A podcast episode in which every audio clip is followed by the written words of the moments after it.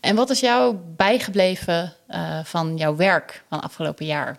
Een van de leukste opdrachten die ik afgelopen jaar deed was op het uh, brandweer-event in Autotron in uh, Rosmalen.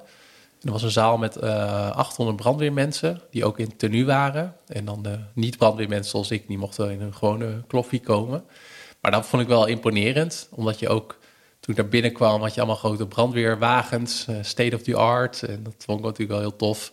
En een soort ik mocht, kleine jongetje wat uh, enthousiast is. Ja, dus toen uh, ik on, onze zoontje Hidde daarover vertelde, was hij ook helemaal enthousiast. die had er wel bij willen zijn. Die had er wel bij willen zijn. En ik mocht ook een paar weken eerder mocht ik ook meekijken op de kazerne hier in, in Zwolle.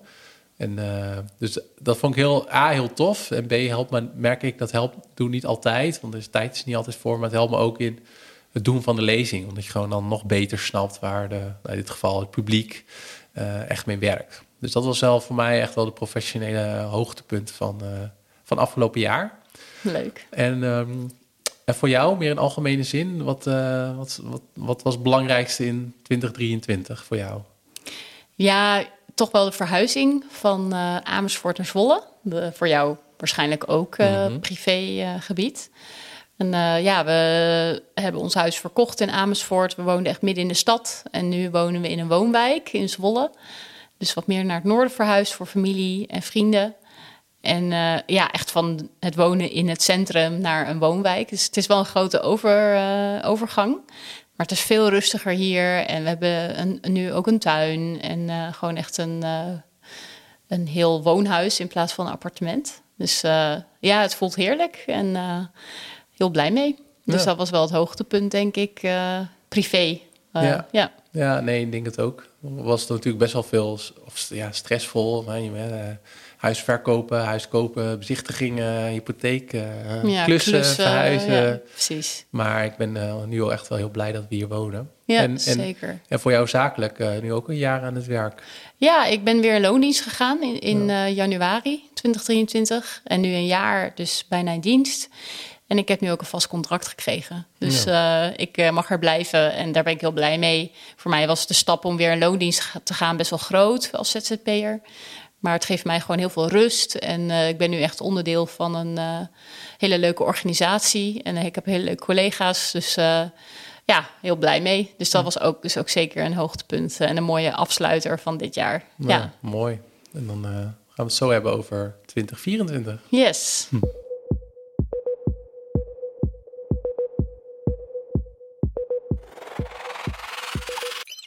Welkom bij de podcast Toekomstbeelden, een podcast die je voorbereidt op de toekomst. Ik ben Peter Joosten. Ik ben futurist, toekomstonderzoeker en schrijver van het boek Biohacking en Supermens. Ik help organisaties om beter voorbereid te zijn op de toekomst. Dat doe ik door het geven van interactieve lezingen en ik doe toekomstverkenningen, workshops en adviestrajecten. Op peterjoosten.net vind je daar meer informatie over, net als mijn artikelen en video's. En mijn vriendin Suzanne is de host van deze podcast. Ik ben Suzanne Derlink, communicatieadviseur, wetenschapsjournalist en maker van verschillende podcasts. Nou, we gaan het zo hebben over de trends, vooral in technologie, maar ook daarbuiten voor 2024. Maar eerst nog wat dingen die jou en mij zijn opgevallen de afgelopen tijd. Zal ik beginnen? Ja. Ik uh, las een artikel in Wired over de zoekmachine Ecosia. Mhm. En dat is eentje die komt uit, uh, uit Berlijn. En die, uh, bestaat al wel een tijdje, toch? Ja, ja, klopt, ja. Maar zij positioneren zich als een uh, carbon negative search engine. Mm Dus dat zij zoveel procent van hun opbrengst, dat ze dat ook nou, bos, bossen mee planten en dat soort dingen. Mhm. En wat ik wel interessant aan het artikel vond, was dat ze dat eigenlijk een beetje het dilemma beschreef. Van moeten zij ook inzetten op meer generatieve AI? In hun uh, zoekmachine. Maar dat is uh, iets van vijf keer, geloof ik, kost dat vijf keer meer energie dan een, ja, de, de ouderwetse manier van uh, zoekresultaten laten zien. Ja. Dus dan is dat weer een beetje in strijd met hun, met hun doelstelling. Dus ik vond dat, ehm, ik vond dat interessant. En ik gebruik het sinds kort ook als alternatief voor Google. ik dacht van, nou ja, dan... is het ook net zo goed? Merk je dat qua zoekresultaat? Uh, ik denk 80% van de gevallen wel. Maar af en toe dan ga ik nog wel terug naar, uh, Google als ik iets, iets moet vinden. Dus, ik kan me voorstellen. Ja. Maar ja, dus interessant, interessant dilemma waar ze dan mee te maken hebben. Ja, zeker. En is daar al iets over besloten dan? Of, Nee, meer dat ze volgens mij wel aan het verkennen zijn. Net als denk ik ook uh, de andere zoekmachine giganten. Van hoe kunnen we dan ook die... Uh, sowieso natuurlijk veel discussie over. Kunnen die energielasten, hoe kunnen we dat verminderen? En wat ze ook stellen van misschien kunnen we ook in hoe we uh, een zoekquery, een vraag van een gebruiker beantwoorden dat we dat ook meer richting eco-vriendelijke antwoorden kunnen sturen. Dus als iemand vraagt van uh, hoe duur is het om te vliegen van Berlijn naar Amsterdam, dat dan die generative AI in dat systeem al zegt van uh, joh, heb je wel eens gedacht aan, aan oh, een trein of zo? Ja. Dus, ja. Compensatie op die manier. ja, inderdaad. Ja. ja. Oh, grappig. Ja. Dus dat, ja. En, en jij, ben jij, is jou wat opgevallen? Nou, wat uh, een beetje misschien een aanvulling daarop is dat uh, iets waar we ook bij mijn bedrijf waar ik werk bij EDSN mee bezig zijn, maar ook wat nu verplicht gaat worden voor bedrijven, is de Corporate Sustainability Reporting Directive, de CSRD. Ja. En dat is eigenlijk vanaf 2024 verplicht dat bedrijven, steeds meer bedrijven ook moeten gaan rapporteren over hun impact op het klimaat en op de mens. Dus dat vond ik ook wel, is ook wel in lijn met dat Ecosia. Dat bedrijven ja, gelukkig steeds bewuster moeten nagaan van wat is onze voetafdruk uh, qua CO2-uitstoot. Uh, eh, als het om een groot ICT-bedrijf gaat, uh, hoeveel energie kosten onze servers? En maken we inderdaad gebruik van dingen als AI? Nou ja, dan moet je allemaal doorberekenen, denk ik, in je verbruik. Dus dat is wel, wordt het hopelijk een stuk transparanter uh, van. Dus ik ben heel benieuwd wat dat gaat brengen. Ja, ja, ja interessant. Ik kwam laatst ook uh, dat tegen in een uh, lezing die deed voor de Vereniging van Insourcing en Outsourcing Bedrijven in Nederland. Mm -hmm. En uh, was ook, was het in mijn lezing was het een onderdeel, maar er was ook een workshop waar ze er diep op ingingen. Hadden we ook nog op het einde weer een paneldiscussie. En wat ik daar wel interessant aan vond, is rondom die CSRD dat het wel een soort van uh, ja, dat je erover moet rapporteren, maar dat de EU of Nederland of zo niet nog een. Als je niet slecht scoort, dan. Ja, uh, precies. Ze doen er nog niks mee. Nee, je krijgt nog geen uh, boetes. Of, maar misschien is dat de volgende stap. Ja, wie weet. Wat, ik, wat ik had begrepen is dat het dan met name voor de mensen die er lezen, klanten of aandeelhouders, dat die dan het bedrijf erop kunnen aanspreken. Van joh, we zien ja. dat het. dus, dus ik vind wel, denk ik, in essentie wel goed dat het gebeurt. Ja. Ik vraag me wel af, ja, hoeveel extra werk kost het en wat levert het op. Maar ja, het is wel inderdaad wat je zegt, wel goed dat ze daar nu over rapporteren, denk ik. Ja, ik denk dat de eerste stap echt al begint bij bewustwording. Want dat is bij heel veel bedrijven nog helemaal niet aan de orde. Dus uh, we gaan het zien. Ik vond het in ieder geval wel weer een interessante stap uh, op, dat, op het gebied van duurzaamheid. Ja. Absoluut. En nog iets anders? Ik heb, uh, denk ik, twee jaar geleden het boek The Free Body Problem gelezen. Van uh, Xiu... Even kijken hoor. Uh, wie is de schrijver ook alweer? Van uh, Liu Xixing. Dat, oh ja, dat is niet ja, het meest makkelijk te onthouden. Ja, Chinese auteur. Ja. En het gaat over dat een buitenaars volk de aarde bezoekt. En echt een heel supergoed boek. Ehm, en toen vrij snel daarna hoorde ik ook dat Netflix de recht had gekocht. Oké. En nu zag ik laatst op YouTube een uh, trailer dat het in het straks hebben over 2024, dat het ook in maart of zo 2024 dat het ook op Netflix verschijnt. Dus daar kijk ik heel erg naar uit. En waar gaat het over? Ja, het gaat dus ook wel over een, uh, een uh, het begint volgens mij echt in de jaren 60 of zo op aarde in China. En uiteindelijk leidt het ertoe dat uh, eh, dat we ontdekken dat we niet alleen zijn in het universum. En dat er ook een, dus een uh, ja, buitenaars leven uh, naar de aarde komt. Maar vervolgens komt er een heel spel op gang met, met wetenschap en, en technologie en, en oorlogen. En er zitten hele vernuftige elementen in dat, dat boek. Dus ik ben ook al benieuwd hoe ze dat gaan verfilmen. Dus daar kijk naar uit. Leuk, leuk.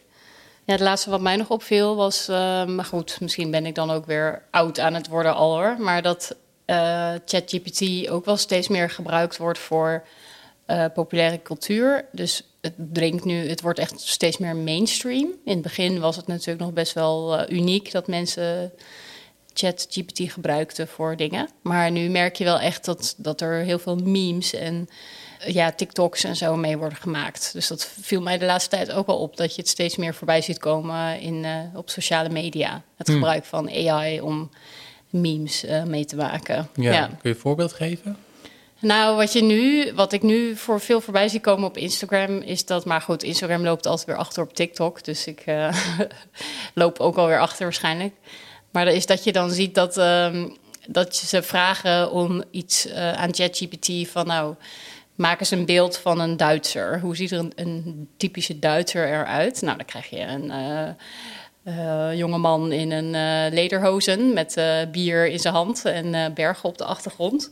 En dan maak hem nog Duitser. En dan wordt hij nog wat extremer, zo typisch Duits. En dan, nee, dit moet nog veel Duitser, zegt dan de, de prompt. En dan gaat het elke keer een stapje extremer van make him de, de super German op het einde. En dan is het echt een soort vliegende, ja grote meneer in een lederhozen met allemaal van die braadworsten om zich heen en weet ik wat allemaal. In, bij de Oktoberfest of zo. Echt helemaal tot in het extreme. Maar het zijn een beetje van die grapjes om ChatGPT dan te vragen om van wat is nou, zijn er typische beelden van mm. ja. Ja. Ook, uh, ik had hem ook gezien van een Belg bijvoorbeeld. Ja.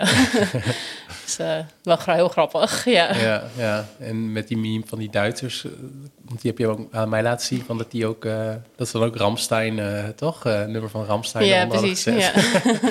dus ook wel de combinatie van het beeld en, die, en de muziek. En, ja. ja, grappig. Dus dat, ja, het wordt in ieder geval dus ook gewoon voor de lol gebruikt. Dat is ook grappig. Ja, ja leuk. Mooi voorbeeld, ja. Nou, laten we doorgaan dan naar de, uh, de trends 2040. Ik ben heel benieuwd uh, waar jij het over wil hebben, wat jouw ideeën daarbij zijn. Nou, het is natuurlijk best wel lastig om de toekomst te voorspellen. Maar sinds een paar jaar doe ik een, schrijf ik een artikel aan het einde van het jaar over het jaar erop. En voor dit jaar heb ik dat dus ook gedaan. Dus ik zal, ik zal de link ook even toevoegen. Maar als je naar mijn website gaat en dan Trends 2024, dan, dan kom je wel tegen. En uh, ja, er gebeurt, is, gebeurt natuurlijk zoveel. Dus het is ook wel lastig van ja, welke keuzes uh, maak ik daarin. Maar toch, nou, we hebben het er al heel veel over gehad. Kunstmatige intelligentie is gewoon wel een belangrijke uh, trend. En daaronder zie ik nog een aantal subtrends. Um, en daarnaast ook op het gebied van klimaat. Wat gebeurt, gebeurt daar? En het derde die ik, die ik uitleg is uitlicht zijn uh, geopolitieke ontwikkelingen, die ook weer te maken hebben met klimaat en met kunstmatige intelligentie. Dus uh, ja, is er eentje waar je benieuwd naar bent? Nou ja, allemaal wel. ik uh, ben al sowieso wel benieuwd wat de ontwikkelingen zijn wat betreft klimaat. Maar, ja. ja. ja nou dat is goed. We kunnen alle ja. drie even kort, kort aanlichten. Nou, klimaat, wat in ieder geval drie dingen die ik eruit heb gepikt, is de eerste dat het nog steeds niet goed gaat.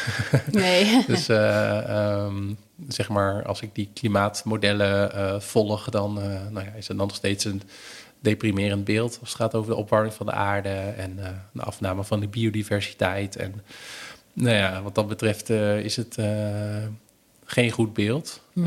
dus daarom wordt er ook wel steeds meer gekeken ook naar klimaatadaptatie. Dat merk ik ook wel in de lezingen die ik geef. Bijvoorbeeld Laatst was ik bij de provincie Drenthe en hebben ze ook echt een aantal mensen binnen die ja, binnen de provincie die zich daarmee bezighouden. Dus het gaat echt over oké, het gaat gebeuren, hoe gaan we daarop uh, uh, aanpassen? Adaptatie. Mhm. Dus wat dat betreft, ik had er laatst ook met iemand over, ook naar een lezing van. eigenlijk is het wel gek dat je bijvoorbeeld nog huizen bouwt, zoveel meter onder NAP omdat het water gewoon steeds hoger komt. Ik kan wel de hele tijd de dijk omhoog doen. Maar goed, klimaatadaptatie is, is één punt. Maar als het dan toch een uh, positieve ontwikkeling kan uitlichten... is dat het wel heel rap gaat met duurzame energie. Mm En nou, daar heb je in je werk natuurlijk ook direct of indirect mee te maken. Dat, wat ik interessant vind, is dat ze elke keer prognoses maken... over hoeveel energie wordt opgewekt vanuit wind en zon met name... En dat elke keer blijkt dat alle prognoses eigenlijk te laag zijn ingeschat. Ze moeten constant zeg maar, die prognoses weer uh, updaten en dan weer verhogen.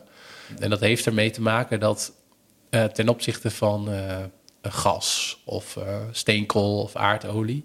is bijvoorbeeld zonnecellen is een technologie. En een technologie kan zich verbeteren. Tot nu toe lijkt het ook exponentieel zo te gaan. Dus dat het gewoon steeds beter wordt in het uh, omzetten van die zonne, zonne zonnelicht in elektriciteit. Dus dat was wel binnen alle, uh, ja, hoe zeg je dat, negatieve nieuws als het gaat over het klimaat, vond ik dat wel een hele positieve. Dat is eigenlijk de vooruitgang van, uh, van duurzame energie. Ook wel weer met natuurlijk de kanttekeningen over, ja, kan ons elektriciteitsnet dat wel aan? Congestie? Ja, inderdaad, ja. ja. Dat is bij ons uh, op het werk een hot topic. Ja, ja, ja vandaar dat ik, dat ik even moest lachen. en, uh, dus dat was het tweede. Een derde punt wat ik daarbij had beschreven is... Uh, ik heb afgelopen jaar een boek gelezen, The Web of Meaning van Jeremy Land. En dat boek gaat er eigenlijk over van dat we eigenlijk... Bijvoorbeeld, dat zie je ook wel een beetje in die duurzame energie. Is wel vaak het idee van als we kunnen weer technologie gebruiken om het weer op te lossen. En uh, in het boek The Web of Meaning gaat er meer over van... misschien moeten we ons ook anders verhouden als mens... ten opzichte van dieren, ten opzichte van de natuur... ten opzichte van planeten.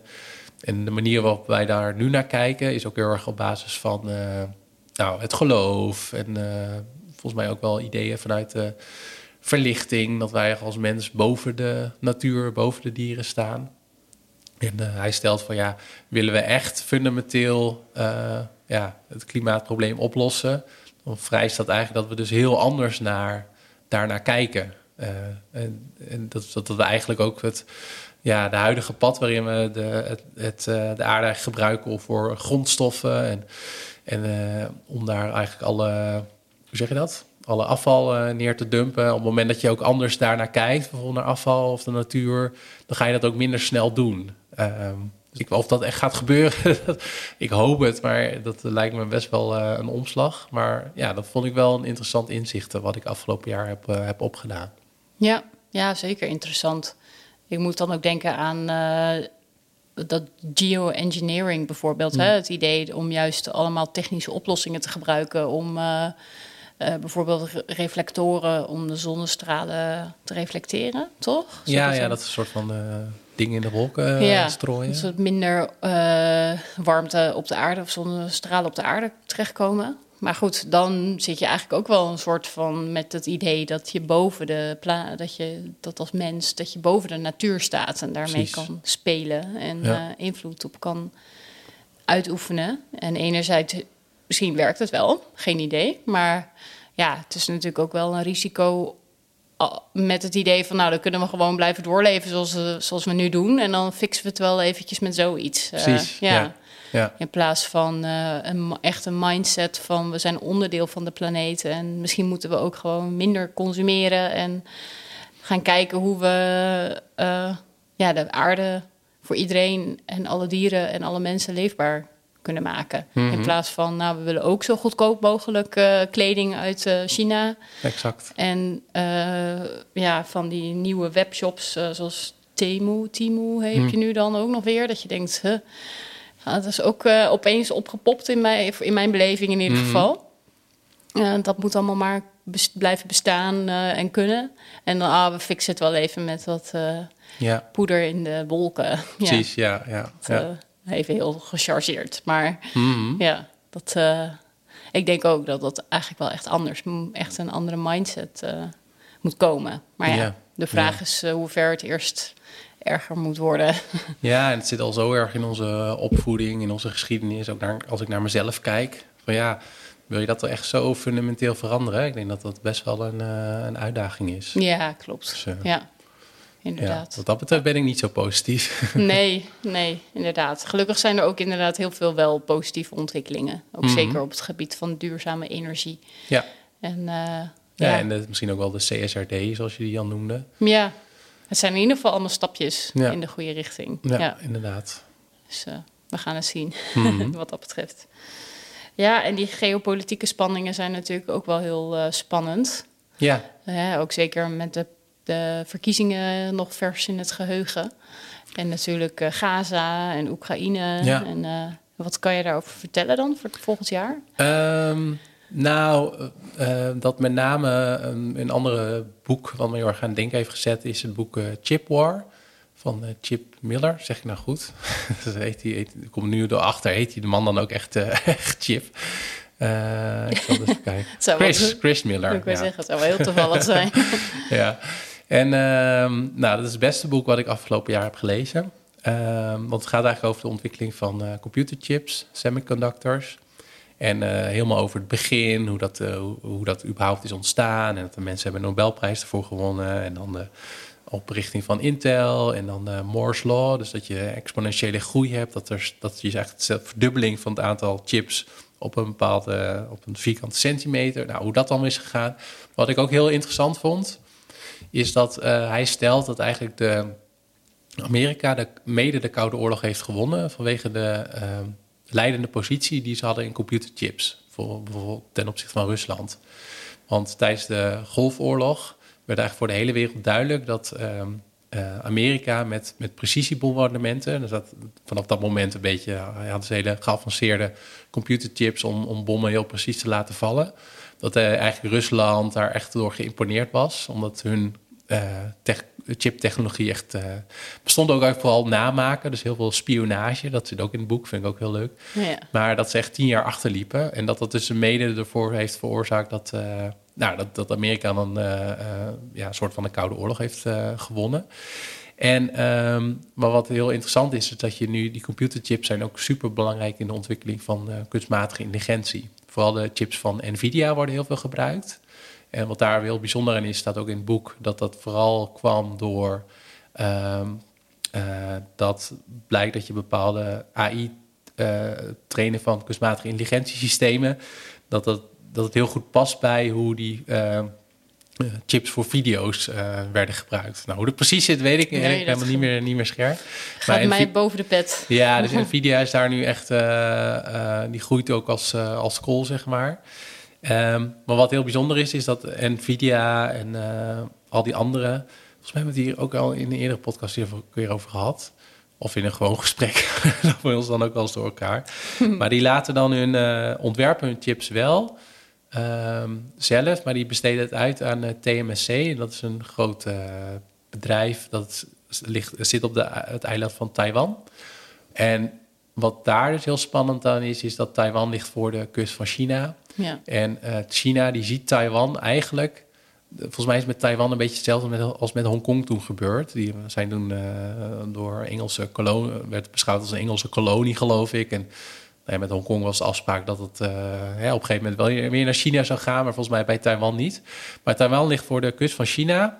Er wordt ehm, nou, het merendeel van de chips die wij overal gebruiken, in auto's, in onze uh, telefoons, in, in magnetrons, die wordt, wordt daar gemaakt. Dus als daar iets misgaat, dat zag je ook al rondom de problemen die toen waren rondom COVID.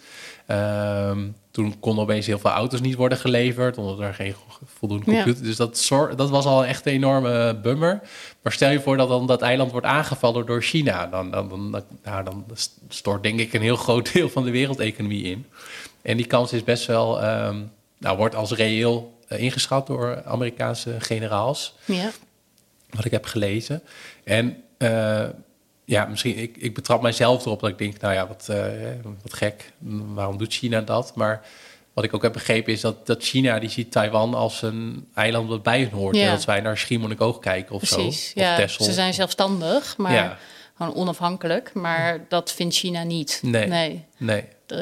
En met Hongkong was hetzelfde. Precies, ja. En zo zijn er nog volgens mij een aantal eilanden, ook van de Filipijnen. En nou mm. goed, dus meer in ieder geval daar in ja. de Chinese zee, volgens mij. Ja, en wat is, ja, dus het is wel heel interessant vanuit economisch perspectief, nou, vanuit kunstmatige intelligentie, want daar worden heel veel chips gemaakt, maar ook van een geopolitiek, vanuit militaire macht.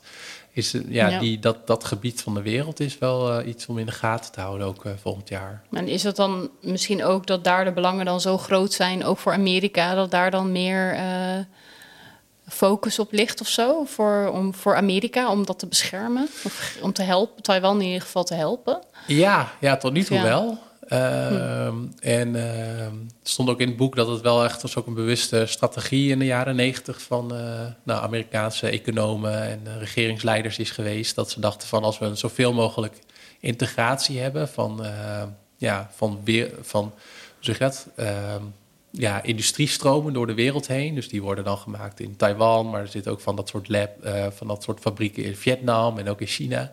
Dat uiteindelijk de hele integratie ook zorgt dat, nou, dat de wereld veiliger is. Maar ook dat hm. heel veel belangrijke onderdelen binnen die hele keten, dat dat toch wel Amerikaans eigendom is. Dan noemen we zogenaamde choke points. Dus dat ze op sommige, uh, sommige dingen die dan nodig zijn binnen de fabricage van die chips, zijn nog wel in de eigendom van Amerika. Dat ze daar nog wel invloed op kunnen uitoefenen.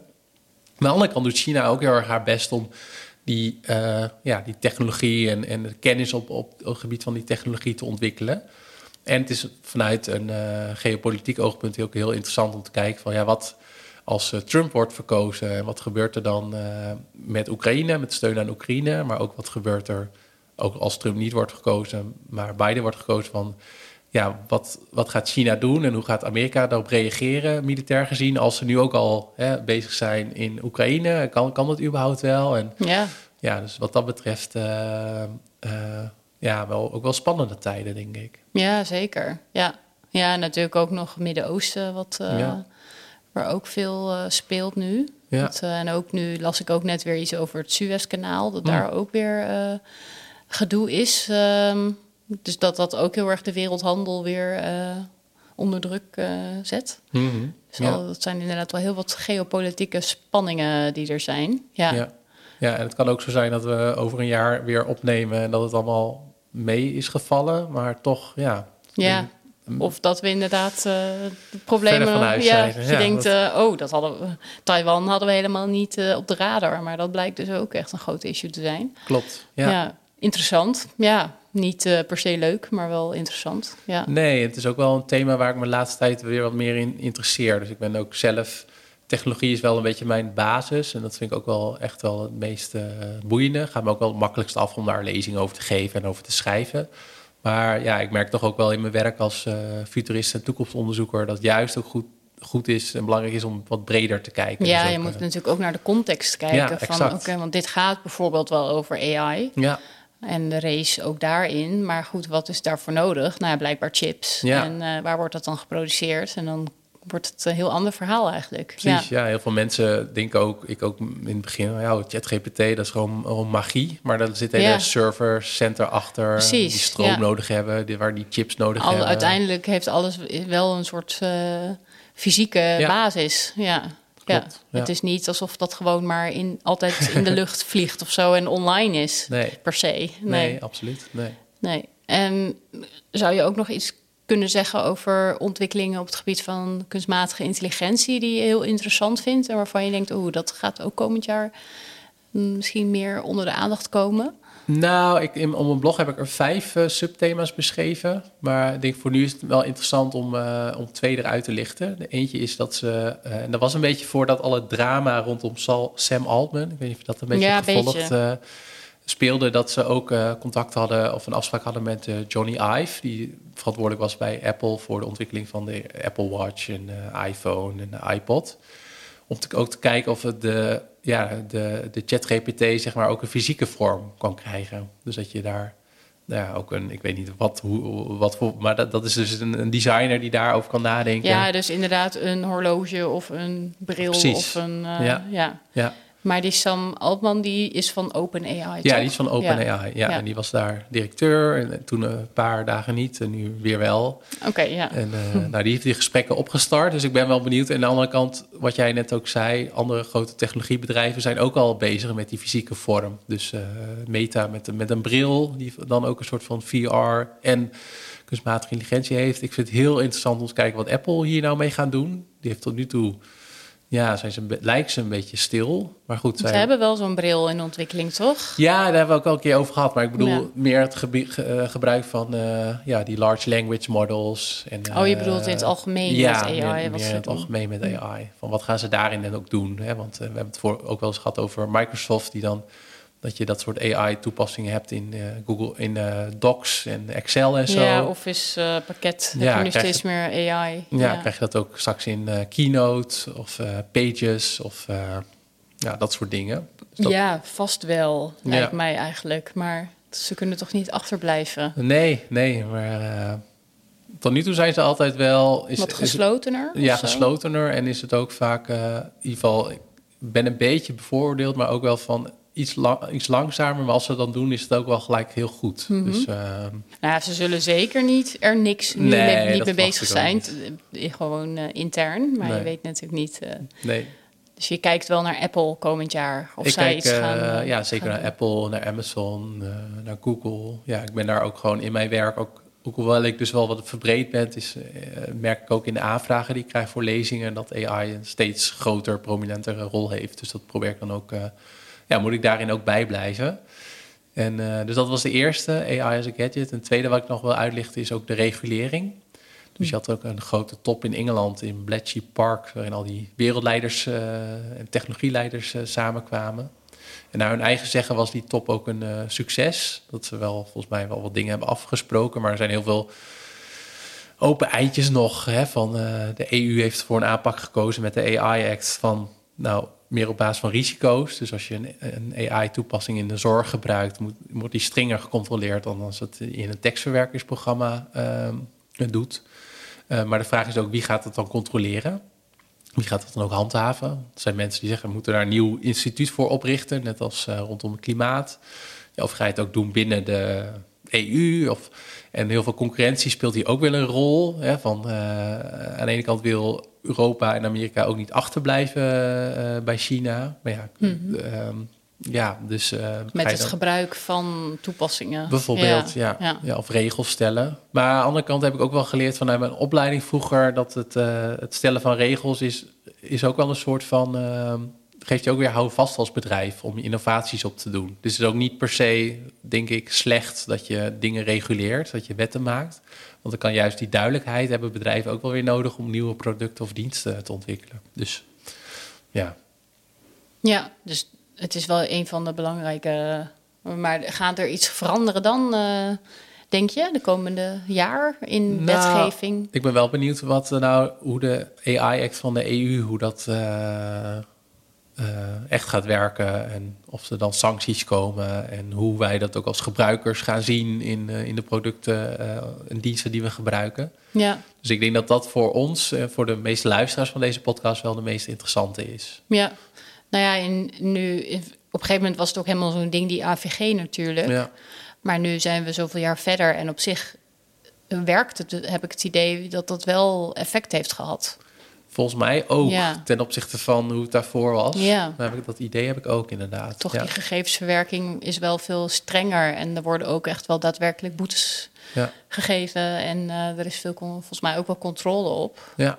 Ja, ik denk ook zeker dat het uh, beter is dan, uh, dan helemaal niets doen. Volgens mij ja. is er ook waarschijnlijk ook wel genoeg om op, op en aan, aan te merken over bijvoorbeeld de AVG. Maar ja. in essentie denk ik van, nou, ik ben denk ik wel blij dat iedereen is. ja, ja. In, in, de basis wel. Ja. Ja. En er komt natuurlijk ook steeds meer ideeën om ook uh, social media meer aan banden te leggen met hun algoritmes. En, maar goed, ja, dat is volgens mij heel ingewikkeld. Hmm. Maar, ja, maar toch was ik een tijdje geleden op een congres, Brave New World. En toen zei wel een juridisch onderzoeker dat wel in een aantal Europese landen wel wat rechtszaken lopen.